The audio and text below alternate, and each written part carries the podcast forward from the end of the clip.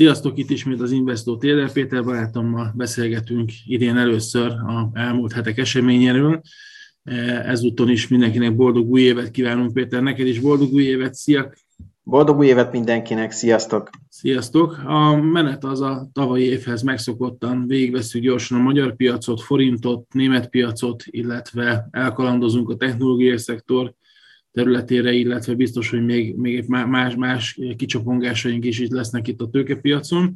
Kezdjük is a magyar piacra, illetve kezdjük is a hangulattal. Én azt érzékelem, hogy a, az év vége az egy viszonylag jó hangulatot hozott itt a, mind a, a külföldi piacokon, mind pedig a hazai piacon azt lehet látni, hogy az indexek nagyon-nagyon szépen megerősödtek a, a utolsó hónapban, utolsó hetekben, és ez a, ez a jó hangulat, ez alapvetően átjött ez év januárjára is.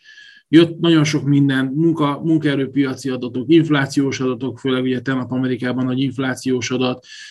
Zömébe valahogy úgy vettük ki, vagy úgy veszem ki, mint hogyha a piacon a, a a piaci szereplők inkább az optimizmusnának, optimizmusuk lenne erősebb, e, így a, így a piacok tényleg szépen e-, erősödnek. A magyar piacra, hogyha megnézzük, és akkor itt is miközben beszélgetünk róla, majd sorba kinyitjuk a nagyobb papírokat. Határozottan lehet látni a Bux Indexen egyébként, hogy a korábban ugye még a decemberben a, a, a 200 napos mozgó átlag megfogta, és a december végétől egy nagyon masszív, nagyon emelkedés. Pár napot elidőzött itt az 50 napos mozgó átlag környékén, de azóta feljebb van, és hát a, a, a következő ellenállás az gyakorlatilag a tetőjén 56 ezer pont fölötti szintek. Meglátjuk, hogy eddig el tud menni.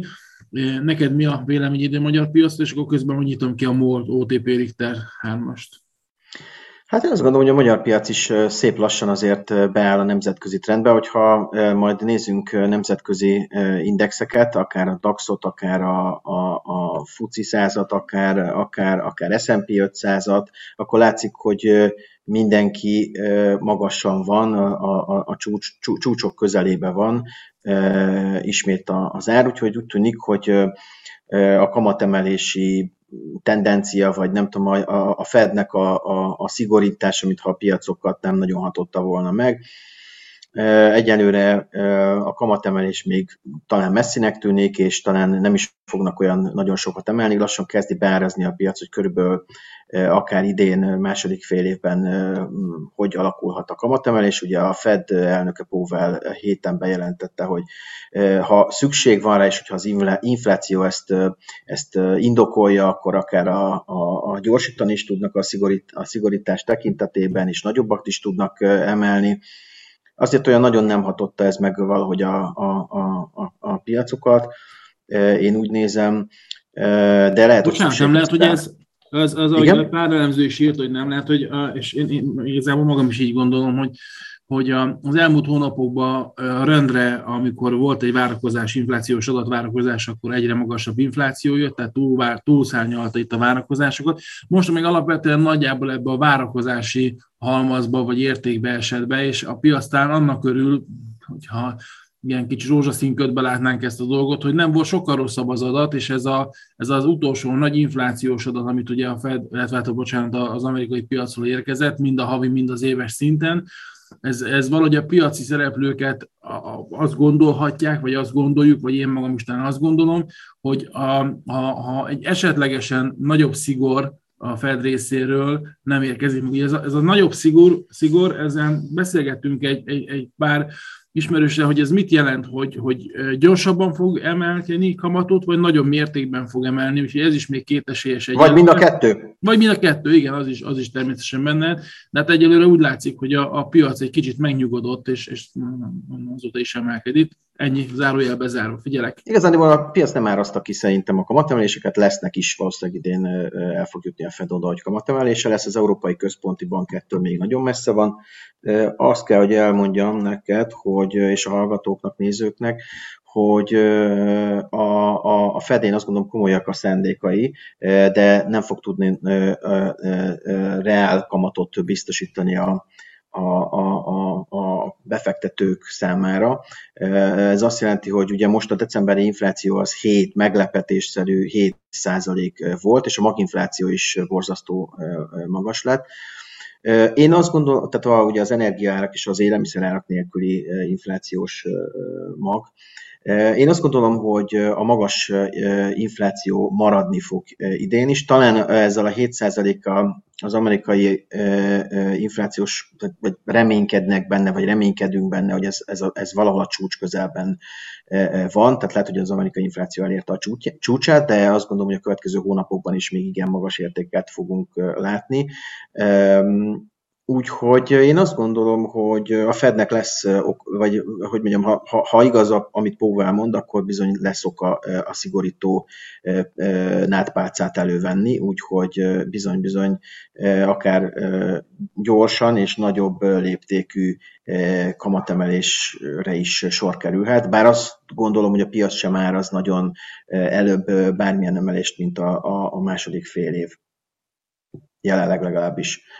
Mindenesetre a, a, pont ezért, amit, amit az előbb elmondtam, tehát, hogy reálkamat nem várható a, a, a Fed részéről, vagy legalábbis nem, ne ilyet most nem vár senki. Nem tudom, fölvihetik a kamatot egy-másfél százalékra, akkor még mindig bőven az infláció alatt lesz a, a, a kamat, ha bár legalább már valamilyen kamatfizetés van. Ugye a hozamok rendkívül, a kötvényhozamok rendkívüli módon megugrottak, illetve a, a hitelkamatok az USA-ban szintén elkezdtek erőteljesen fölfelé menni, úgyhogy félnek is sokan, hogy ez megtoppanthatja a gazdaságot, vagy hogy ennek milyen hatásai lesznek az USA gazdaságra, hát ez majd a következő hónapokban fog kiderülni egyébként, meg az, hogy ezek a kötvényhozamok meddig tudnak még, tudnak-e tovább emelkedni, és meddig, meddig tudnak a hosszú hozamok emelkedni vajon, illetve mi, mi fog történni.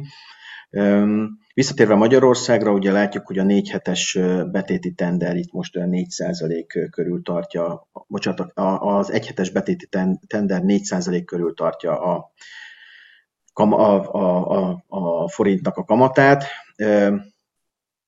ez, ez már reális, hogy mondjam, konkurenciája lehet akár a, a magyar tőzsdei, vagy a viszonylag gyengén, vagy a korábban legalábbis gyengén teljesítő tőzsdének. Meglátjuk, hogy, hogy a tőzsdet ki tud-e ugrani. Azt láttuk, hogy a héten az OTP nagyon szépen emelkedett, hogy akkor nem tudom, akkor visszatérjünk az egyes termékekre, és ugye majd Akkor visszateszem, a, a, kezdem, a, kezdjük az OTP-vel, jó? Nézzük igen, meg. igen, hát általában az OTP-vel szoktuk kezdeni, úgyis ez a legnagyobb komponense a Buxnak. Ugye látja mindenki, hogy egy ilyen rakéta látható gyakorlatilag a, a grafikonon, két nagy lépésben rakétázott vissza viszonylag alacsony, ilyen 16 ezer alatti szintekről bőven 18 ezer fölé. Utána volt egy kis megtorpanás, meglátjuk, hogy... Azért, hogy, azért gyorsan tegyük hozzá, hogy itt ebben a nagy esésben volt egy fundamentum is, ugye, hogy a, a kamatoknál egy stoppot jelentettek be, és azért ez a bankoknak értelemszerűen nem biztos, hogy, hogy előnyös, hogy finoman szóljunk. Hát biztos, hogy nem előnyös, biztos, hogy nem előnyös. Hogy és... ez, ez, volt egy vállalati hír is, illetve hát egy szektorhír, ami, ami sújtotta az OTP-t, és abból egyébként viszonylag gyorsan fel is állt az OTP, ahogy látszik.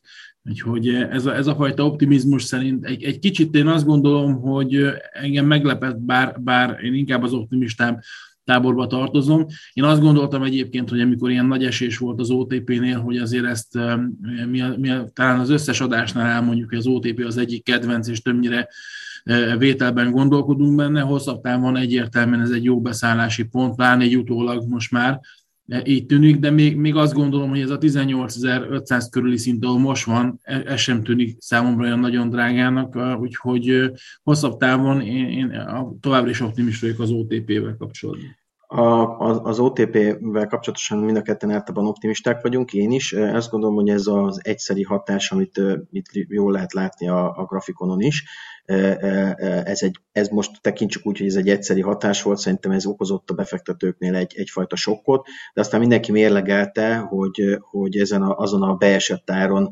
egyszerűen ezen a muszáj megvenni kategória volt az OTP, és azt aztán is kezdték szépen vásárolni, és tulajdonképpen visszament majdnem a korábbi szintjeire, még, még nincs teljesen a, korábbi, a teljesen korábbi csúcson, tehát ugye a tavaly őszi csúcsok, csúcs közelében még nincsen, de látjuk, hogy a, a, a novemberi, decemberi árak fölött van bőven jelenleg az OTP, és, és innen én már inkább lefelé várom legalábbis rövid távon, vagy legalábbis várok valami korrekciót ebben az árban.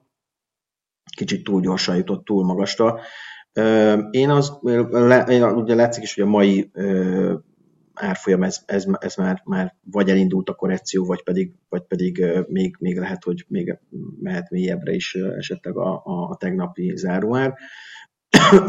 De mindenképpen azt gondolom, hogy az OTP, a kamatmarzs, tehát ugye az, azért, hogy, hogy 4% most úgy tekintetjük, hogy többen 4 os kamatszint van Magyarországon, ez mindenképpen egyfajta kamatmarzsot biztosít az OTP-nek, és ezeket az egyszeri hatásokat viszonyítja a piac egy ilyen hosszú távú kamatemelési periódushoz. A piac egyébként úgy árazza, vagy úgy gondolkoznak elemzők is, hogy a, a, a magas forint kamatok azok a választások után is maradhatnak, bárki is legyen kormány, úgyhogy úgyhogy ez a bankoknak mindenképpen jó. Ez egyébként nem csak Magyarországra igaz, a, a bankok az óceán, az operenciás tenger mindkét oldalán vétel, vételi, vagy vételre vannak a nagybankok árazva. Majd esetleg az OTP mellett nézzünk meg egy Erste bankot, vagy egy, vagy egy nem tudom, Raiffeisen, vagy, vagy, vagy nézzük hát meg a kedvenc Deutsche Bankunkat. A németben a Deutsche Bankot, már az kiemelkedően jól szerepelt egyébként. Ugyanezek a, a, ugyanezek a, a kerekek mentén gondolkoznak, de ha de a, a, a, ugye a csütörtökön veszük föl ezt az adást 13-án, 14-én, azaz holnap lesz az amerikai nagybankoknak az első hullámnak a, a, a jelentése, vagy a, vagy a jelentései, a, a, JP Morgan, a Citi, Wells Fargo teszik ki a számaikat, minden elemző gyakorlatilag kiugró árbevételre és, és, és profitra számít, tehát el, már előre zsákolták a, a hedge fundok a, ezeket a papírokat, úgyhogy meglátjuk, hogy mennyire lesznek jók a számok, de, de mindenki jó számokra számít, ugyanez az óceánnak ezen az oldalán is a nagybankok, hogy az említett a Deutsche Bank is köztük igen szépen teljesít. Úgyhogy az OTP is indokolt, hogy, hogy fölfelé menjen, mindezek mentén. Igen. Még a, a magyar, magyar piacon gyorsan nézzük meg a MOLT, meg a Richtert. Mind a kettő részvény, ugyanúgy, mint hogy az OTP azért nagyon szépen el tudott indulni. Mind a kettőnek a, a december utolsó napjai, január eddigi napjai azért nagyon erősek voltak. Itt a MOLT lehet most látni, amiben, aminél a grafikonon azt lehet látni, hogy ezért az 50 napos mozgó átlagon nagyon gyorsan átment, nagyon szépen erősödött itt a, a, a 2021 november elejé közepi nagy csökkenés szinte folyamatosan dolgozza le. Hát 2800 környékén lesz majd egy ellenállás, meglátjuk, hogy eddig el tud-e hasítani a MOL. Én bízom benne, és még annyi, hogy a, a Richternél Ugye az is egy, az egyik kedvenc papír, szoktuk hosszabb távokra, közép-hosszú távokra így, ajánlgatni. Ott is azt lehet látni, hát ugye itt nem volt olyan méretes esés, mint az OTP MOL esetében, így a, a visszarendeződés egy kicsit, hogy úgy mondjam, finomabb. Az 50 napos, meg a 200 napos mozgó átlag fölött van egyértelműen, Ma éppen nincsen a Richternek túl jó napja, mert ma éppen egy gyengülés mutat, de egyébként középtávon továbbra is azt gondolom, meg hosszú távon továbbra is azt gondolom, hogy a magyar papírokkal érdemes foglalkozni, érdemes felfedezni azt, hogy azért itt eh, sokszor egy ilyen sávos kereskedést produkálnak, hogyha megnézzük a Richternél itt a tavaly november óta lehet látni egy, egy nagyon gyengén, de emelkedő trendvonalat, amiben egy nagyon szép cikcak mozgás produkál, tehát itt 8600, 8500, 8600 között én azt gondolom, hogy érdemes legalább elgondolkodni a vételen, és, és ha pedig itt fönn van 8900 vagy 9000 környékén, akkor esetleg már lehet realizálni is azt, vagy esetleg stoppokkal védeni a pozíciókat. Ebbe a két papírba optimista vagy?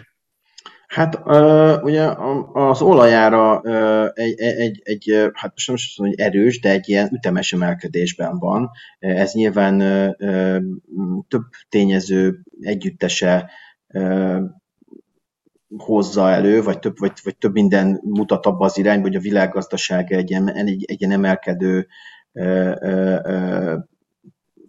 trendben van, vagy pedig kezdi kiemelni ezt a, ezt a pandémiás gyengélkedést, és, és úgy tűnik, hogy nyilván ez fölhozza azt is, hogy, hogy az olajára az, az emelkedik, úgyhogy a, a MOL is azt gondolom, hogy alapvetően a bevételeit olajszektorból szedi még, még mindig, bár nem tudom, hogy ez a e, e, autó megosztó, elektromos autó megosztó szolgáltatás, én úgy tudom, hogy ez egyelőre bukó, ami itt Budapesten van, de, de, de mindenképp jó, hogy a, a profitjából ilyen, ilyen zöld beruházásokra is e, fordít a, a, MOL.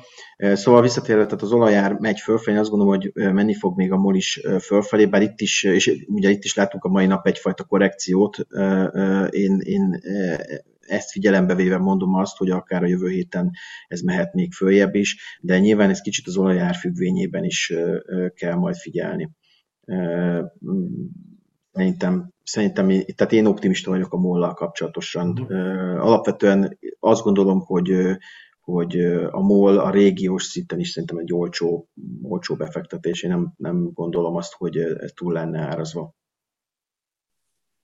Oké. Okay. És a Richternél?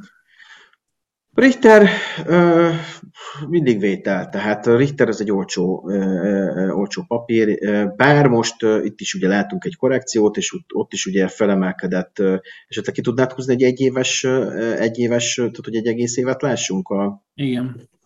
a csárton. Köszönöm szépen. Na itt látszik jobban már az, hogy még a, ugye, van, ugye látunk két csúcsot, az egyiket gyakorlatilag augusztusban, a másikat úgy nagyjából november elejére mm, láthatjuk, vagy november elején láthatjuk. Nyilván ezek kicsit a járvány nyal is picit összefüggésben vannak, vagy lehetnek ezek az egészségügyi papírok. Most azt látjuk, hogy ez az Omikron járvány nagyon nem viselte meg. Egyébként maga a Richternek én úgy tudom, hogy nincs ilyen különösebb járvány összefüggése, de hát ugye általában az egészségügyi papírok ugye mindig akkor szoktak gyógyszergyártók meglendülni, amikor a járványa valami valamilyen isú van, akkor mennek egyik vagy a másik irányba. Én azt gondolom, hogy ez, ez az ár most szerintem így jobban látszik, hogy, hogy talán egy, egy, egy kicsit a felső régióban van a, a nem tudom én év, egyéves árszint tehát figyelembe véve, de én továbbra is azt gondolom, hogy ez az ár olcsó, ez hosszú távon ennek a papírnak mennie kell fölfelé. Ahogy egyébként látjuk is, tehát ha, ha egy ilyen hosszú távú trendet nézünk a, a csáton, akkor, akkor ez egy emelkedő trend biztosan. Ugye, menjünk át, nézzük meg a forintot. Azt szerintem bőven akadott, akadt izgalom a forint piac. Hát bizony. Úgyhogy nézzük meg, kezdjük az euróforinttal. Euróforintnál azt lehet látni, hogy ugye tavaly volt egy, pláne évvégén egy viszonylag erősödő kamatpolitikája a jegybanknak. Határozottan kiállt amellett, hogy a, a kamatokat szépen elkezdi erősíteni. És ez azért volt érdekes, mert miközben ezt mm, jelezte előre, amit egyébként be is tartott, a forint az nem, hogy erősödött volna, hanem igazából gyengült az euróval szembe, és egészen 370 meg 371 környékéig elgyengült, viszont itt pont januárban volt egy, egy, egy éles fordulat, az elmúlt pár napban egy elég jelentős forint erősödést láthattunk, láthattunk, vagy láthatunk, még nem tudom, hogy meglátjuk, hogy még ez tart-e.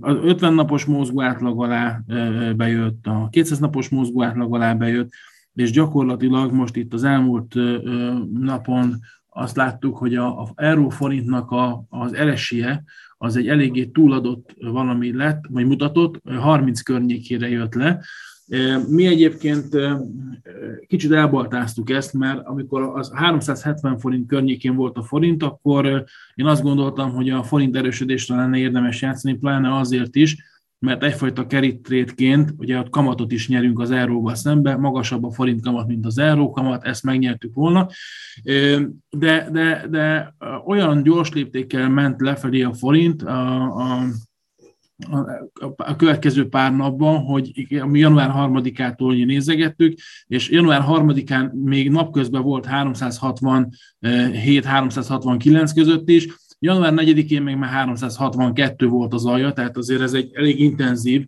és ott azért volt félelem, az elmúlt hónapok miatt volt bennünk félelem. Elméletileg nyertünk, mert az ötlet az jó volt, de, de nem mertük meglépni. Most viszont azt gondolom, és nem, a, nem vagyok forint ellendrukker semmiképpen sem, most viszont azt gondolom, hogy ilyen nagy esés után el tudom képzelni, hogy rövid távon lesz egy kis forint gyengülés. Nagyon érdekes, hogy az elmúlt napoknak az eseményei, így, hogy az 50 napos mozgó átlag, illetve a, a, a 200 napos mozgó átlag alá bejött, így hogyan fog szerepelni.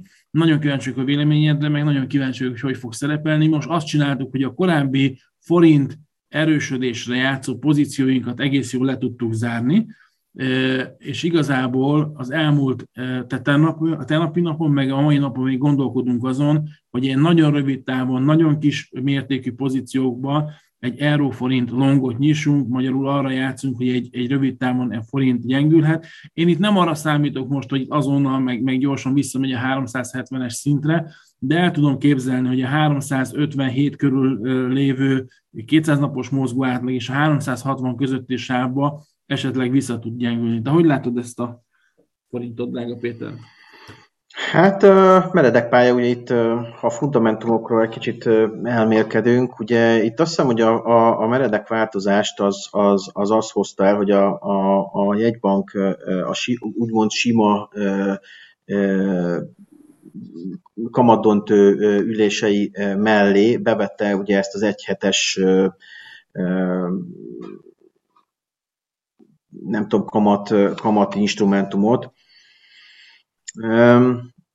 Ugye ez az egyhetes kamattender történt, az előbb beszéltünk már, ugye itt kialakult egy 4% környéki kamatszint, és tulajdonképpen ezt, ezt tekintik mérvadó forint kamatnak most innentől kezdve. Ez a, ez a, ez a 4 százalék, ez, egy, ez, már egy, ez már egy régiós szinten is szerintem egy jó kamatnak minősül.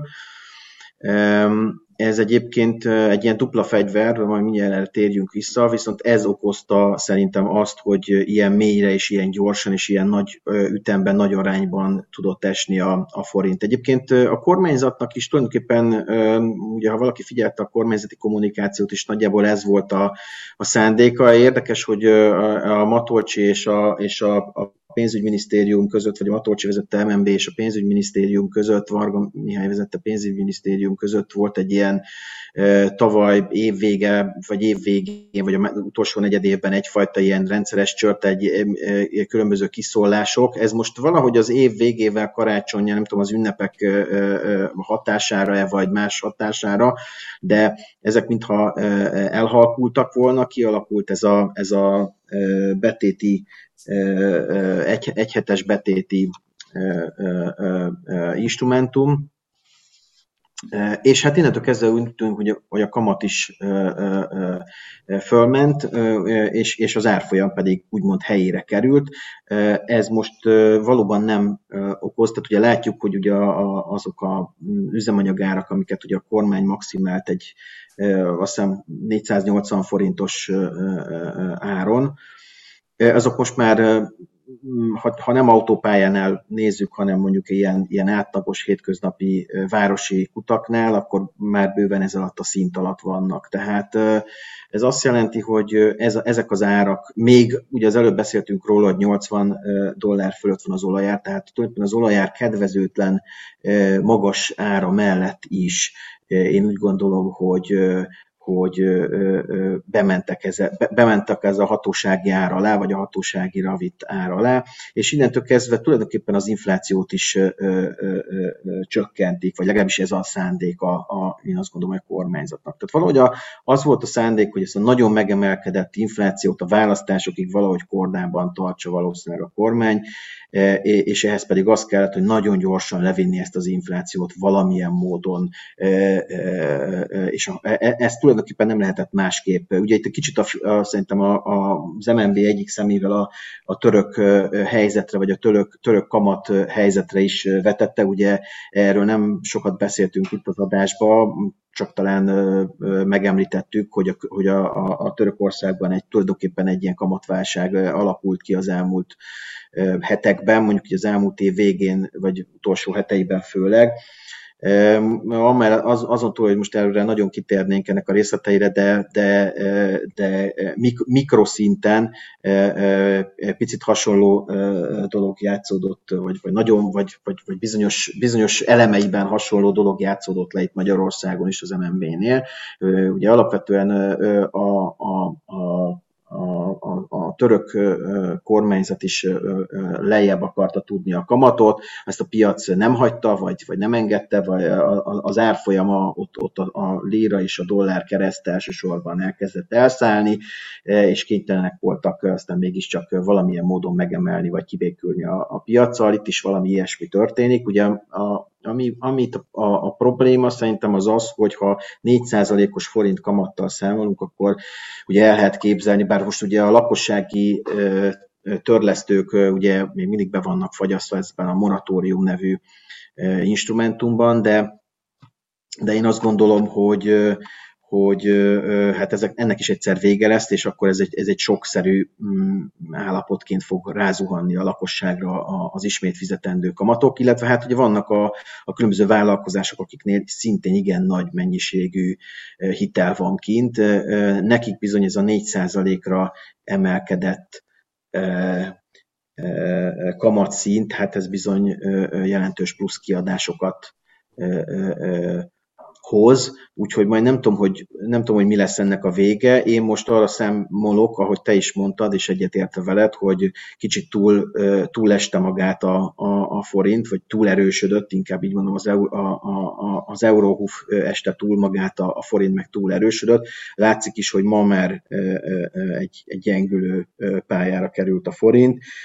Az előbbi, igen, ezt a csátot, ha visszateszed, köszi a a 200 napos mozgó szerintem egy jó irányadó szint lehet a, a tekintetben, hogy én azt gondolom, hogy a, a, addig simán visszagyengülhet a forint a, a 200 naposig, a fölő is mehet egyébként nyilván, de én azt gondolom, hogy valahol az MNB célja nagyjából az a, az a 200 napos sáv lehet, tehát ha most próbálom le, leolvasni a, a, a te kis grafikonodat, akkor a 357 tehát 355-357 környékén lehet az MNB-nek szerintem ideális a forint. Valószínűleg ami ez alatt van, az, az már túl gyenge.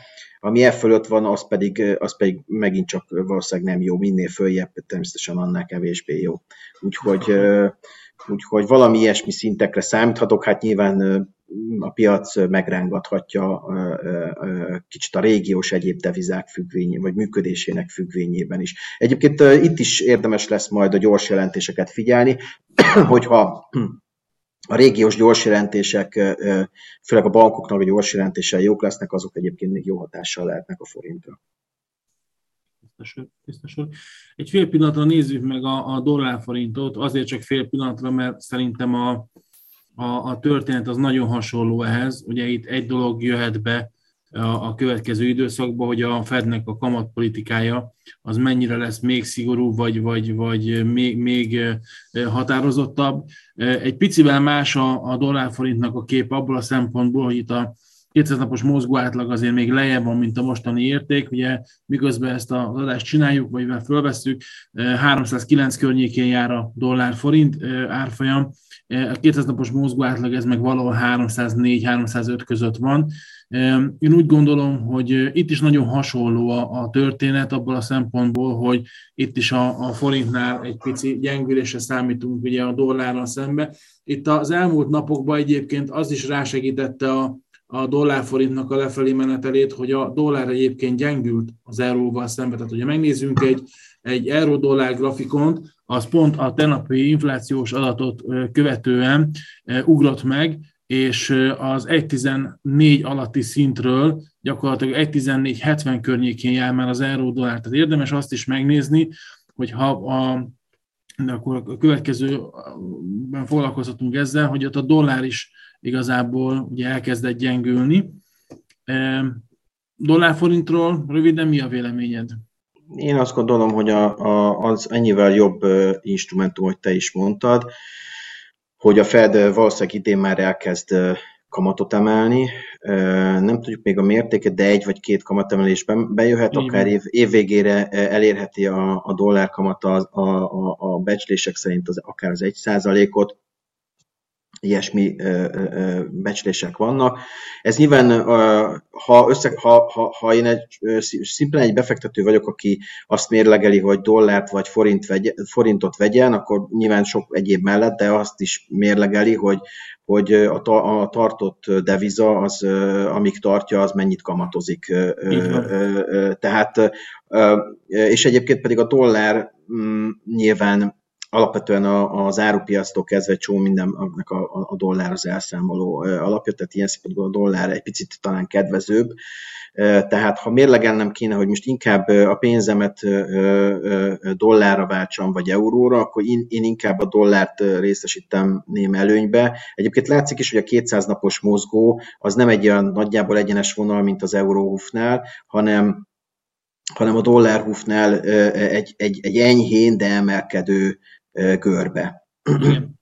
Még egy dolgot gyorsan visszatérve az euróforintra. Ugye az előbb azt mondtam, hogy az euróforint short esetében, tehát amikor forintot veszünk, eurót adunk el, ott a kamat nekünk játszik. Így, hogyha most mi arra játszunk, hogy forintot adunk el, eurót veszünk, értelemszerűen ellenünk megy a kamat. Tehát itt erre is kell odafigyelni, aki ilyen pozíciót vesz föl, hogy ha hosszú ideig tartja, akkor a kamat ugye ellene játszik. Ha megengeded, akkor nézzük meg a német piacot, hogy, hogy az mit, hogyan produkált.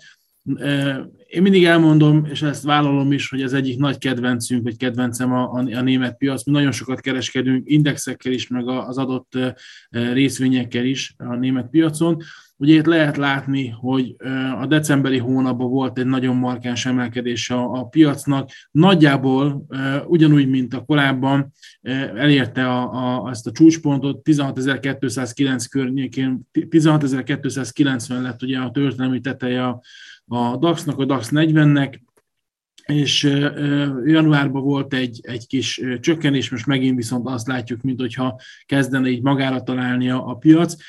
Emlékszem, még bennem maradt, tavaly többször említetted, hogy egy kicsit visszapörgetjük a grafikont, hogy 15.500-700 környékén egy üvegtető volt, most egy kicsit ez följebb tolódott, ilyen 16 ezer pár száz pontra lehet látni, itt van most két tető, meglátjuk, hogy esetleg a következő napokban, hetekben esetleg tud emelkedni a DAX, én nagyon bízom benne, hogy igen, akkor ez, ezt a szintet át tudja vinni. Azt látjuk, hogy egyelőre a 200 napos elegendő biztonságot nyújt támaszszintként, 50 napos mozgátlagot többször tesztelgeti, és irányézve a grafikonra, mondom, hogy picit elfogult vagyok, én azt gondolom, hogy egyébként erősödhet, vagy, vagy tehát én azért középhosszú távon biztos, hogy ilyen emelkedésre számítok. Te hogy látod ezt a német piacot?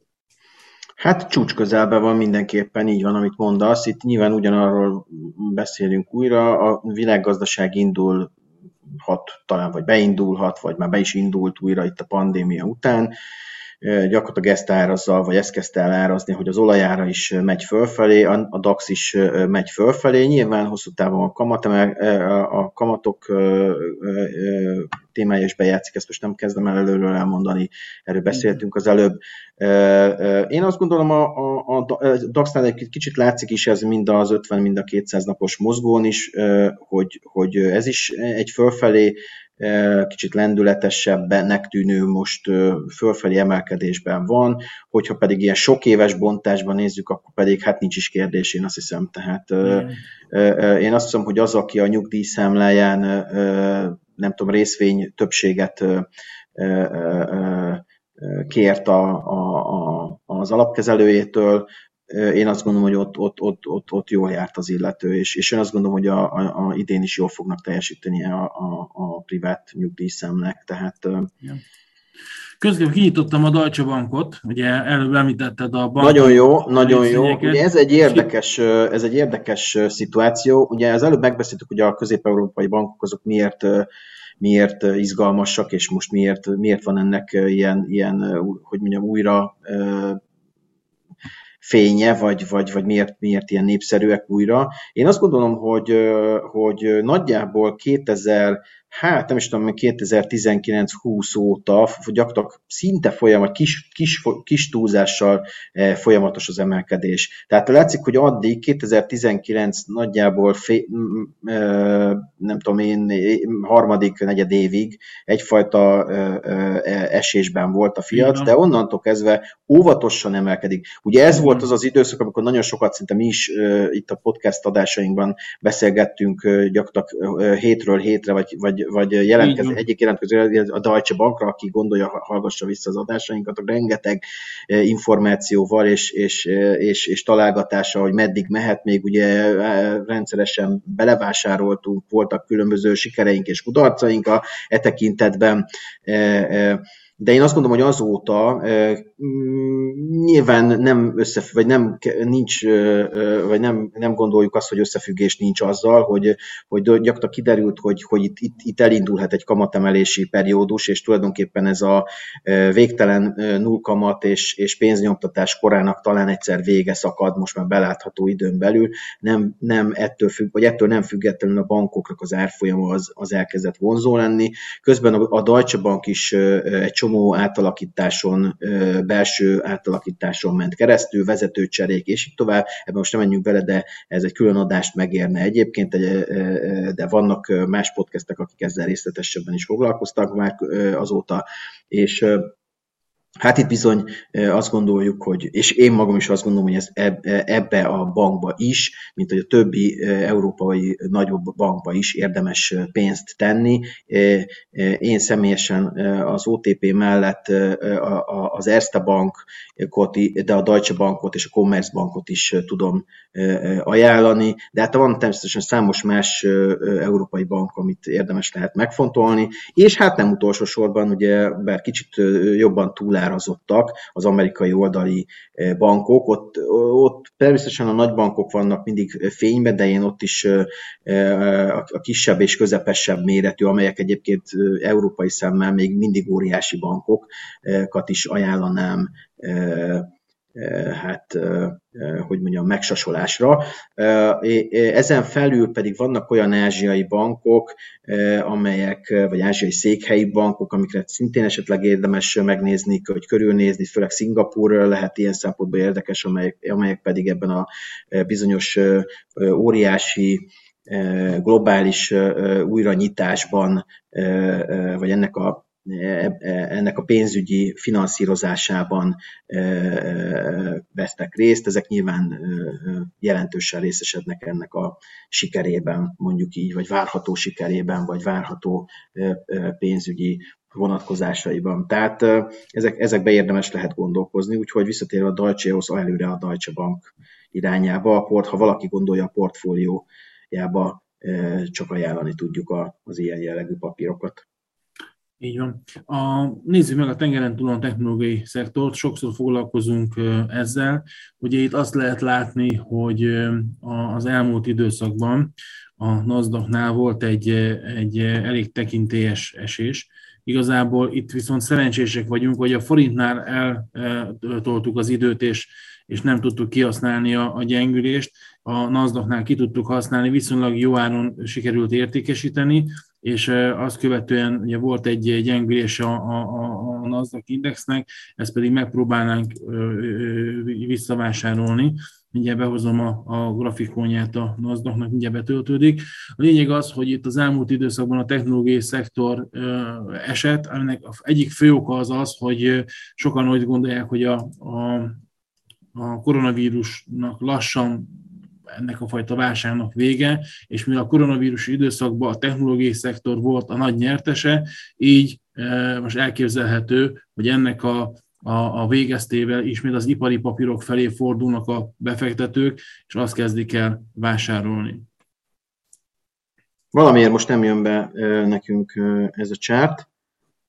Mindenesetre el tudjuk mondani, hogy az utóbbi napokban inkább egy gyengülő pályán volt a Nasdaq 100, Jelenleg 15.959 környékén, majdnem 15.960-nál jár az árfolyam, és egyébként a mai nap inkább egy enyhe emelkedést látunk. A technológiai papíroknak a, a, a, az elemzésével, vagy az, vagy az ismertetésével egyébként, amit az előbb mondtál, ezzel teljesen egyetértek én is, ugyanígy látom.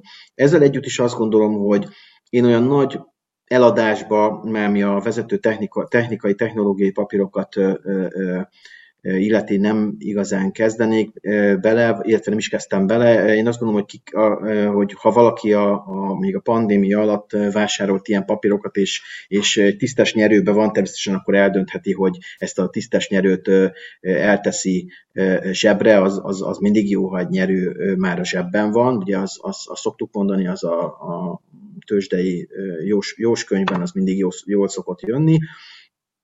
De ha valaki úgy gondolja, hogy tartja, vagy hosszabb távon tartja, vagy mondjuk egy nyugdíjportfólióban tart ilyen, ilyen elemeket, és, és, és nem, hogy mondjam, néhány havonta nem akarja a portfólióját át variálni, és, és akkor újra várni, hogy mikor, mikor lehet egy, egy, besz, egy újabb beszálló ezekbe a papírokba, én akkor azt gondolom, hogy tartsa a papírokat a, a, egy Apple-t, egy Amazon-t, egy Google-t, vagy, vagy akár a, a Meta platformra átkeresztelt Facebookot. Ezek a, ezek a, ezek a cégek, ezek, ezek olyan világcégek, amik, amikenben egyszerűen nem érdemes nem tudom, hetente megváltoztatni. Ezek menni fognak fölfelé, szinte biztos. Amikor 7% a dollárnak az inflációja, nyilvánvalóan a legtöbb hedge fund ilyennel és hasonlókkal hedgeli, vagy, vagy többek között hedgeli magát, ezért is ilyen túlárazottak többek között ezek, ezek a papírok. Nem tudom, hogy a bitcoint esetleg föl tudod rakni, a bitcoin komoly esésben van, meg, meg még esetleg az aranyat, ezüstöt érdemes megnézni, hogyha ha erre, ezekre még rá tudunk nézni. Igen, valami, valamilyen nem jönnek be grafikonok, viszont nem tudom, te most látod például az árakat, amiket én kitettem? Egy én, lát, én látom, igen, de, de kicsit apró, aprók a karakterek.